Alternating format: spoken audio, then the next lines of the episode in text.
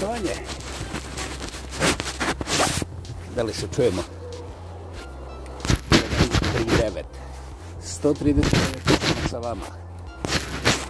Samoproglašeni lingvistički aktivista, monumentalno autentični, ja pa jako bi drugi, Vladimir Kreca sa predivnih stinovitih planina. Dakle, gdje smo ono stali? Najkraće, koga briga gdje smo stali, a još manje da li ćemo počinjeti. Naime, retorika ima najveći zadatak u realnom životu da zbuni čovjeka, da ga izenadi i onda da ga premaže, naravno, na njegov trošak sa onim što autoru te retorike treba. Šta sam to ja rekao? Pa evo, Uzet ćemo jedan mali dio te priče danas i pogledati kako su nas ubijedili da je nacionalno rešenje najbolje, najljepše, najčistije, sve redom.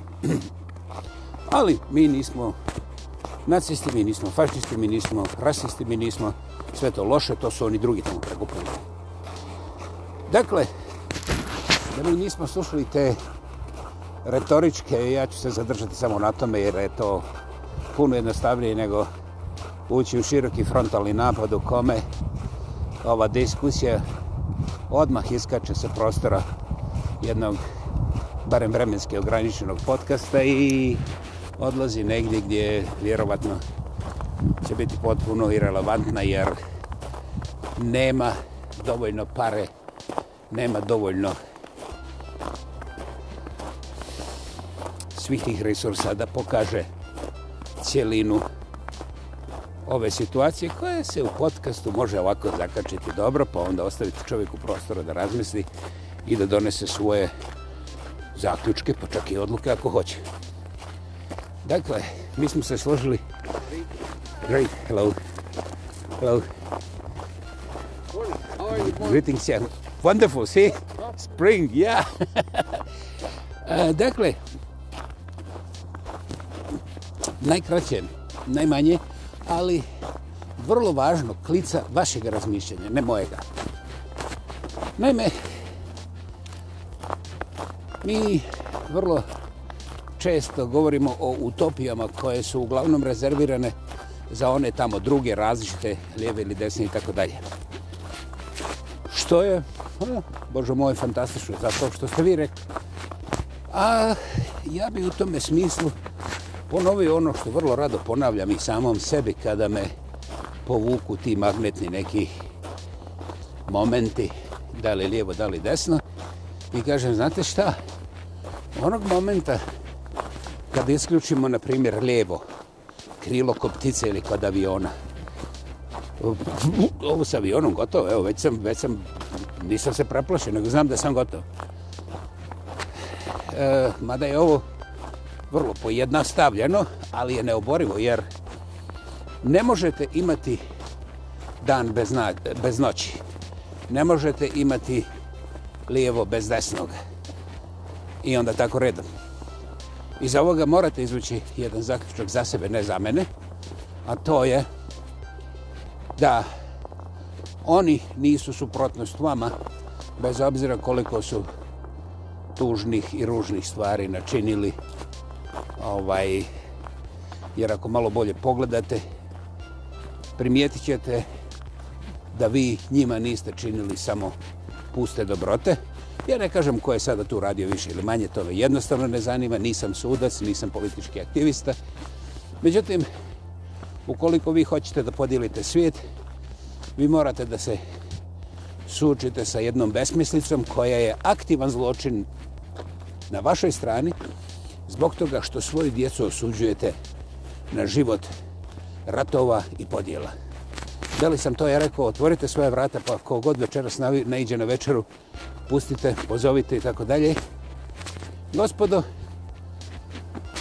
da živimo u nekoj drugoj civilizaciji, na nekoj drugoj planeti, koja nije imala samo u zadnjih 100 godina, barem 100 ratova, recimo, samo toliko da se zadržimo na tome, onda bih ja to bez razmišljanja, ne tako mislio, nego tako i radio. Međutim, nabijeni epohalno sa nevjerovatno krvavim nasljeđem svih tih, heh, kako se to kaže lijepo, sukoba, znači ratova međusobnih ubijanja, istrebljivanja, guranja, potiskivanja, laganja, pljačkanja, silovanja, genocidiranja. Izaberite siroki spektar, a svi ste vi vjernici i demokrate, da, da, aplauz, aplauz, aplauz, klap, klap, klap. Dakle, da nije bilo svega toga, onda bih ja rekao, hej, otvorite vrate večeras, pozovite koga god hoćete, ko mu padne na pamet. Ali istovremeno, ja uviđam koliko je čak i to besmisleno. Ja samo želim biti pragmatičan u vremenu i odgovoran prema ljudima koji bi možda naivnih, nažalost, e, ima, a ja teško mogu da razlikujem naivne od dobronamjernih u mnogo čemu, pa onda se držim ovako malo suzdržano i kažem hej, ja neću nikome savjetovati da večeras otvori svoju kuću i pripusti unutra svakog slučajnog prolaznika kome se to prohtije. Jer ne samo zbog nasljeđa tih nekakvih teških devijantnosti koje su mnogo čemu kriminalne, nego i zbog cijelokupne, nazovi kulture takozvanog civiliziranog svijeta u kome je važno da ja prije stignem do zalogaja.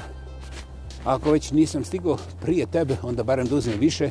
A ako ne mogu duzim više, onda pljunem pa da ti se zgadiš i odeš, onda to pljunuto ostane meni, jel?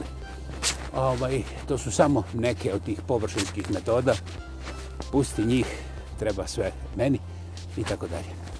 Eto, dakle, ne postoji među nama niko Čak i onaj koji nije zavirio u školu, ne znam iz kojih razloga, ne mora biti nacionalnih, može biti, recimo, iz higijenskih u školi. Imaju dvije ćenife na 200 učenika, razumiješ? I onda ova pametnija djeca neće u školu, ni slučajno. Bože moj, sad da ne objašnjamo dalje. Ovaj, posljedice ne razmatram u ovom životu. Jer eh, vrlo često najciničniji i najrazorniji su oni koji imaju te nekakve najglasnije diplome. Koliko one vrijede i kako su stečene, to je posebna bajka, ponekad balalajka, a sve češće lalalajka i ovaj, nemam nikakvu iluziju da mogu to izaći na kraj i kažem samo zbog toga što onog momenta kada vi odlučite nekome priznati titulu, odnosno diplomu, pogledajte dva put. Ne morate sebe ponižavati ako vas neko impresionira sa, opet se vraćamo na početak, sa nekakvom vrlo ubjedljivom retorikom, znači rješnikom koji djeluje samo pouzdano na nekoj medicinskoj, profesionalnoj razini. Znate, ja sam siguran, e, dobro, Mama vam nije rekla da je Mengele imao perfektnu dikciju, da je puno bolje od Goebbelsa mogu raditi na nacionalnom radiju i da bi ga ljudi puno radije slušali. Međutim, on je neuporedivo veselije radio svoje medicinske eksperimente. Sada da ovo date nekoj prabake koja je na neki način preživjela uh, šta je znam, Dachau, Auschwitz, izaberite. Ovaj, uh, pa da joj kažete kako sam ja opisao pomenutog gospodina na temelju njegovih kvalifikacija i kvaliteta njegovog govornog aparatusa, ja bi za tu gospođu bio istog momenta mrtav, nepostojeći, ali pošto me ne može odmah uhvatiti za vrat, jer imamo ovu distancu, ovo je fina distanca interneta između nas, ona bi mene smatrala ološem iz one donje donje vrste. Dakle, gospodo, to nije samo pitanje percepcije, ali eto, imate razlog za razmišljanje. I sada dolazimo u situaciju da evo, prije 30 godina pokrene se bitka kontra toga crnoga, opet crvenog komunizma, koji je gledano mojim očima um, najkraće imao nekoliko stvarnih elemenata. Prvi stvarni element zvao se komunizam. Drugi stvarni element ja vjerujem da je tu neko možda bio komunista. Treći stvarni element taj komunizam je preživljavao i hranio se i održavao i na unutrašnjem političkom i na vanjskom političkom e, prostoru kao jedan dosta solidni model kapital socijalizma. I ako pogledate u Kinu, vidit ćete nešto vrlo slično na dijelu. Ovaj, I ja s time ne govorim, ne, komunistička partija nije vladala. Ne, ne gospodo, ali prije nego što krenemo dalje, potrebno je rašistiti šta je komunizam. I onda čim dođemo do tih nekih temeljnih spoznajnica, odmah možemo da otvorimo vrate i da kažemo hej, a ko je komunizam? Jer ja slušam već 30 godina i od ovih lijevih i od ovih desnih kako je Tito falsifikat i kako su ga podmetnuli ovi ili oni i onda izvolite koliko hoćete priča o veću, sam vidio da je Tito imao i carskih ljubavnica ovako. Što je meni bilo zanimljivo, ne na političkom, nego na ovom privatnom planu. Ovaj, mislim, čovac je u Beču znao naći sebi raspoloženje. Ovaj, da li je bilo loše ili dobro, ne znam, nisam držao svijeću, ali mi se čini da to sa damama iz višeg bečkog društva zasigurno nije bio komunistički akt, a vrlo teško je bio i kapitalistički. Zapravo čini mi se da je sve to kompletno bilo privatno i personalno. Ovaj, da, i što je još ljepše obostrano, jer te drugarice on nije ubijedio sa svojom titulom, sa svojom pozicijom i sa svojim činovima, jer svi ti elementi su bili dva nikakve diskusije, nula, ne postojeći u vrijeme kad je on te gospe pobeču, je li ovaj, mislim, šta su ono radili. Pili su vjerovatno melanž, da, da, da, ovako, više puta. Ljudi koji su ulazili u tadašnji savjez komunista bili su uglavnom provincijski karijeristi kojima, recimo da su se komunisti zvali čerekisti ili brbljavisti ili ono čisto burekisti ili šampita partiji ili ne znam, izaberite etiketu, ali pošto su na vlasti, ovaj, onda su ljudi koji su htjeli sići sa brda ulazili masivno u partiju i šišali se na kratko. Ove, čak su odbijali i Beatles-e, mislim, ono, to je propast zapadna i tako dalje.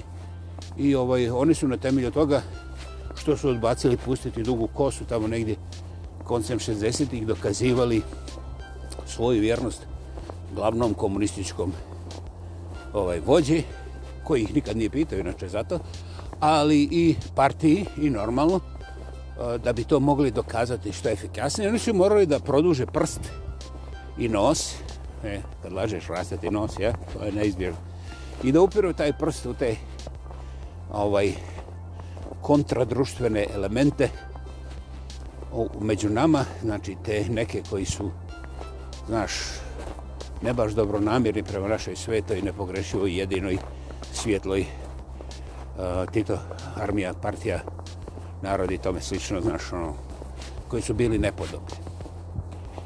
I to je bila fantastična magla da, po mojim procjenama, minimalno nekih 30% tih koji su imali knjižice komunističke partije Jugoslavije, nastave da se infiltriraju u sve oblasti društva, i da kradu na takvoj jednoj skali koja mm, koja ni do danas nije uh, valorizirana na nekakav smisleno prihvatljiv način jer to bi pomoglo ja ne govorim o reviziji i ja ne govorim o ovaj ganjanju ljudi i konkretnih slučajeva i onda ovaj sudovima i svemu tome svinjarenju. Ja govorim o analitičkom pogledu šta je bilo ranije i pošto je sada već 30 godina od toga sustava kako je on crknuo, urušio se sam u sebe i sada se vidi dosta jasnije kako, zašto, koliko. Koliko? onda bi mogli sa jednom takvom analizom da obrazujemo našu djecu da njihova budućnost nije u postavljanju novih oružja u pravcu starih prijatelja i braće. Dakle, u oštrenju zuba za novi rat, za nove mržnje, umeđu vremenu življenje pod nevjerovatnim tenzijama, u dužničkom romstvu prema korporacijama koje su potpuno bezlične, one samo su i tamo imaju najljepnicu koja je trenutno popularna, recimo ako, ako Ameri podsmekaju previše djece nevine dole kod Arapa, e, onda oni svoje proizvode, najprije oružje, oni su oni vladaju pola svjetskog trgo, pola svjetske trgovine oružjem. Onda oni svoje oružje šta je znam, stave najljepnicu Kanade, Izraela ili tako, sve osim Rusije a Rusija stavlja neke druge naljepnice u čemu nećemo i onda je to dokaz da nas, naši stari zaštitnici vole ove, ove velike njuške i tamo slično. I mi onda kao čuke trčimo jer smo eto zaštićeni. Zbog čega nas neko štiti? Ja mislim da smo tu matematiku davno izgubili jer smo apsolutno sigurni da ovi preko puta samo čekaju da nam odgrizu vrat. Naravno sve sprže ako ne mogu drugčije I ukoliko mi nemamo razornije i podmuklije oružje, oni će to uraditi još večeras. Garant, evo, kažem ti ja. Gledaj kroz prozor pa ćeš vidjeti. Dakle, to više nije politika, to je ona ozbiljna klinična, kliniška psihijatrija. Međutim, ne možeš cijele države staviti u instituciju, jer i ta država kao institucija je propala sa nevjerovatnim dugovanjima i opterećenjima koje je sama sebi proizvela u ime čistoće, u ime naših heroja i šta je znam čega, če ne, čega ne. dakle, ona priča sa kojom su mladići 90-ih odnosili na front da polože svoje živote, nažalost, nažalost, nevjerovatan broj, nažalost, također i svih onih koji su preživjeli sa svim tim traumama, pa jedan divljački broj onih koji su ostali bez noga, ruku, očiju, zdravlja, familije. Dakle, nakon jednog takvog monstruoznog i katastrofičnog, ali potpuno besmislenog zločina, ovi danas ljudima mrtvo hladno kažu, hej, mi nemamo ljudi, otišli su. Znači, u toj slobodnoj, samo našoj, mislim, izaberite koji hoćete u regionu, naša djeca se osjećaju zadavljena i bez šanse. Naša djeca bježe.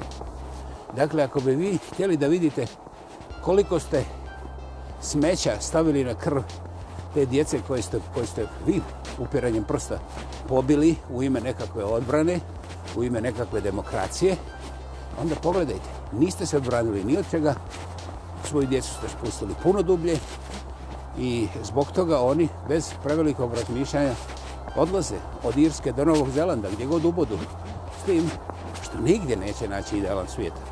Što ste i vi znali, ali da li vam je to znanje možda došapnulo da između dva govna, čak i glup čovjek, nekako uvijek izabere ono manje ili barem ono koje se osušilo, pa nema budućnost da ponovo zasmrdi. Dakle, gospodo, da li je vrijedilo? Zato ja kažem kada preispitujete komunizam i tih 30% regularnih članova koji su izvukli dušu komunizmu i koji su zapravo urušili komunizam iznutra. Ja ne kažem da su oni ciljali, neki jesu, ali to je, to je jedan broj o kome ne mogu da razgovaram jer mi se ne čini presudan. Komunizam su uništili gotovani. Ono što se danas zove uhljeb i ti, ko, ti, komun, ti takozvani komunisti, jeli, u, gotovani koji su onda jeli komunizam iznutra, oni su bez imalo straha u ime nacije, sada više ne komunizma, nema ti to partija armije, to su sve neki ložovi ruski, ili četnički, ili šta znam šta jesu već, ali jesu ložovi. Sada ti isti ljudi imaju neuporedivo širu bazu i oni uživaju, vrate da pljačkaju naše, I to dušmanski. I sad čovjek kaže, čekaj, mi proizvodimo 100 cigli, a ovo je opječkao već pet ciglana. To je nemoguće, to nama podmeću opet ovi tamo bivši komunisti, ovi tamo s one strane. Pa ljudi, vi ćete uvijek igrati ping-pong sa smislom, koje što je u stvari ne samo besmisleno, nego katastrofično, kriminalno besmisleno. Zašto? Jer vi ne želite provjeriti da li čovjek koji vam se smije, koji je pored vas, koji nije naoružan, je u stvari najgrđa, najgora, najotrovnija zmija koja je uništila budućnost vaše djece. Opa, kako znaš, on ovdje ima samo jedna ciglana, ti kaže da on ukro četiri. Pa da, njegov potpis vrijedi kada ode bilo gdje preko granice. I on potpisuje uvoz, na primjer, pet tona čarapa. Razumiš? Da bi mu ovi dali kredit, jer on je institucija, on ima potpis, ne zaboravite, on je funkcionar.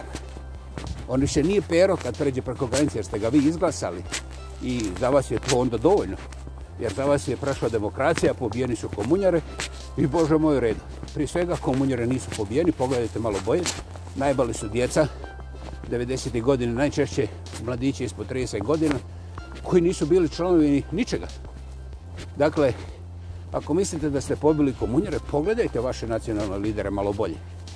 Pogledajte malo šta se dešava i na koji način nema ni jedan službeni politički put bilo koga iz tog regiona da ne ode, da ne kupi nekako smeće koje bi inače ovi morali baciti jer moraju osloboditi skladični prostor jer stvari su na već istekle i po svojim lokalnim zakonima oni moraju platiti da se to uništi a ti dođeš gore i to prihvatiš kao regularnu kupnju jer oni ti daju kredit i onda oni zarade dvostruku i kažu slušaj te čarape. Neću da spominjem druge stvari jer ne želim da otkrivam lance ovih regularnih majmuna trenutno u akciji jer to nije moj posao. Ja opet kažem i ponavljam, nisam investigacioni novinar.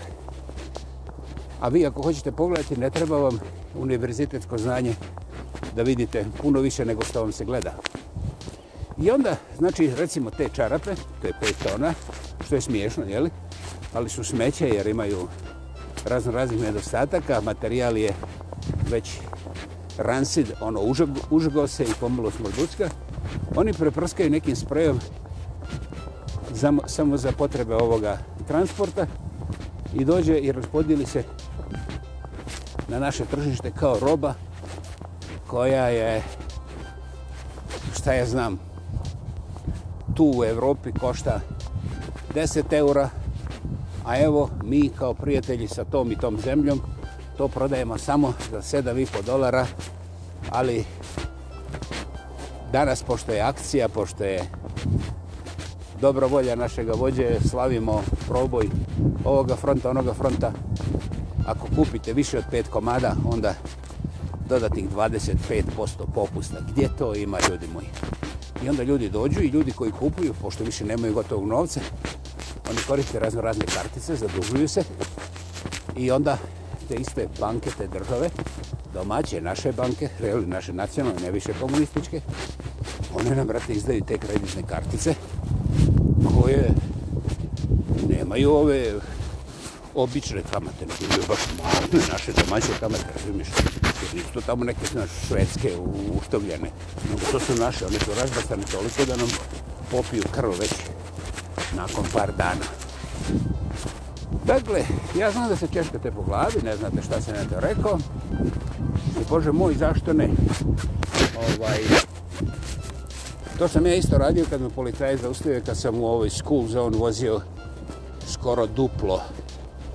I ovaj, kako sam god pokušao, ipak me je stiglo ovaj, sudovanje, pa onda poštovanje, pa onda šutovanje i šta je znam ali na kraju je bilo precizno onako kako je vidio gospodin organ na terenu.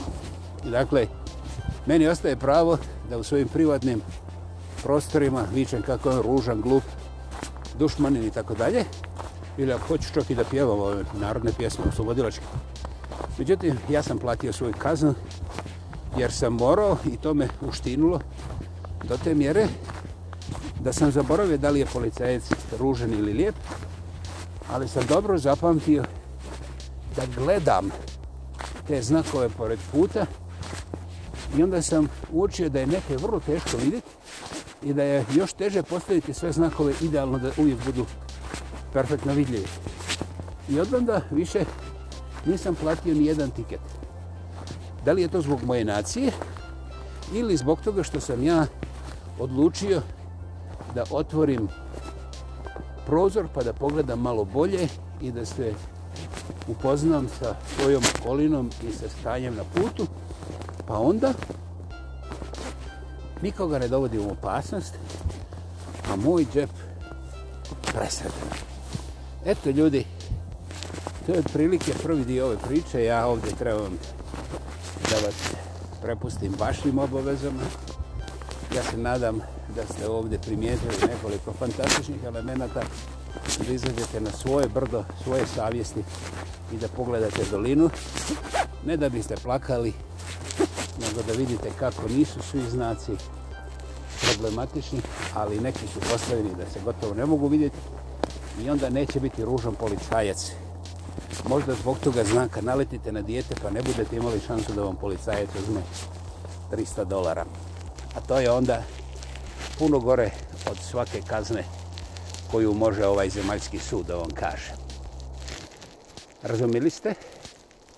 Ja vjerujem da ste ljudi dovoljno plemeniti da znate kako sam ovdje prešutio bol koja ostaje zauvijek ne samo vama, ne samo toj djeci iz škole, nego i roditeljima nastradalog djeteta.